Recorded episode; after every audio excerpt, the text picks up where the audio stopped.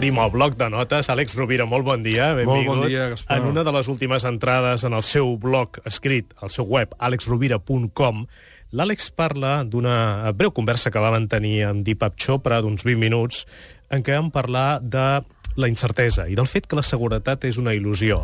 Convido els oients que vulguin entrar al web magnífic de l'Àlex Rovira i els seus escrits i el seu blog, que també es poden seguir a través de Facebook, fer-ho i llegir-ho amb calma, però ara ens en farà com una, una pinzellada.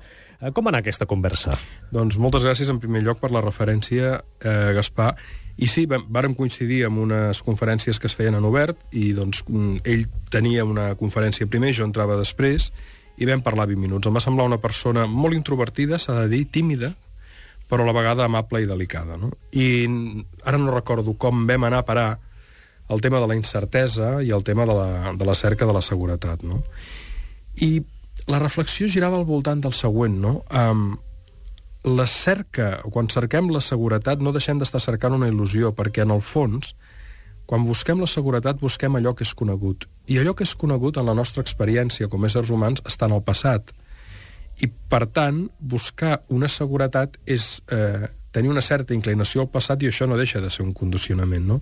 És cert que en el passat aprenem, qui vol aprendre, perquè hi ha gent que no vol aprendre del passat, però d'alguna manera reclamar una, una seguretat permanent a l'existència ens lliga amb una fantasia que s'encora en el passat. I ens agradi o no, tot procés evolutiu, tot canvi, tota transformació, implica una gran consciència del present i una gran capacitat per lliurar-se creativament i obertament en el futur, no? És impossible assegurar el futur. El que només podem fer és perdre el present.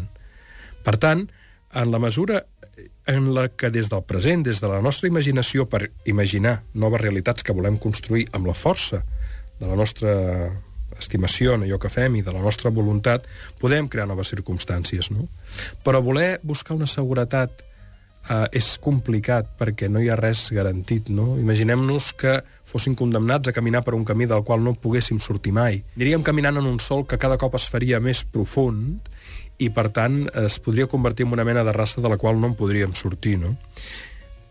El que es tracta probablement, i això és el que me recordo que va dir en, en Deepak Chopra, és... Um, la seva conferència anava d'això, no? lliurar-se a la incertesa, capbussar-se en allò que és desconegut, perquè ja el camp de possibilitats i de creació és infinit, literalment. No? Sense incertesa, la vida no és més que una repetició trillada de records que ens poden acabar desgastant.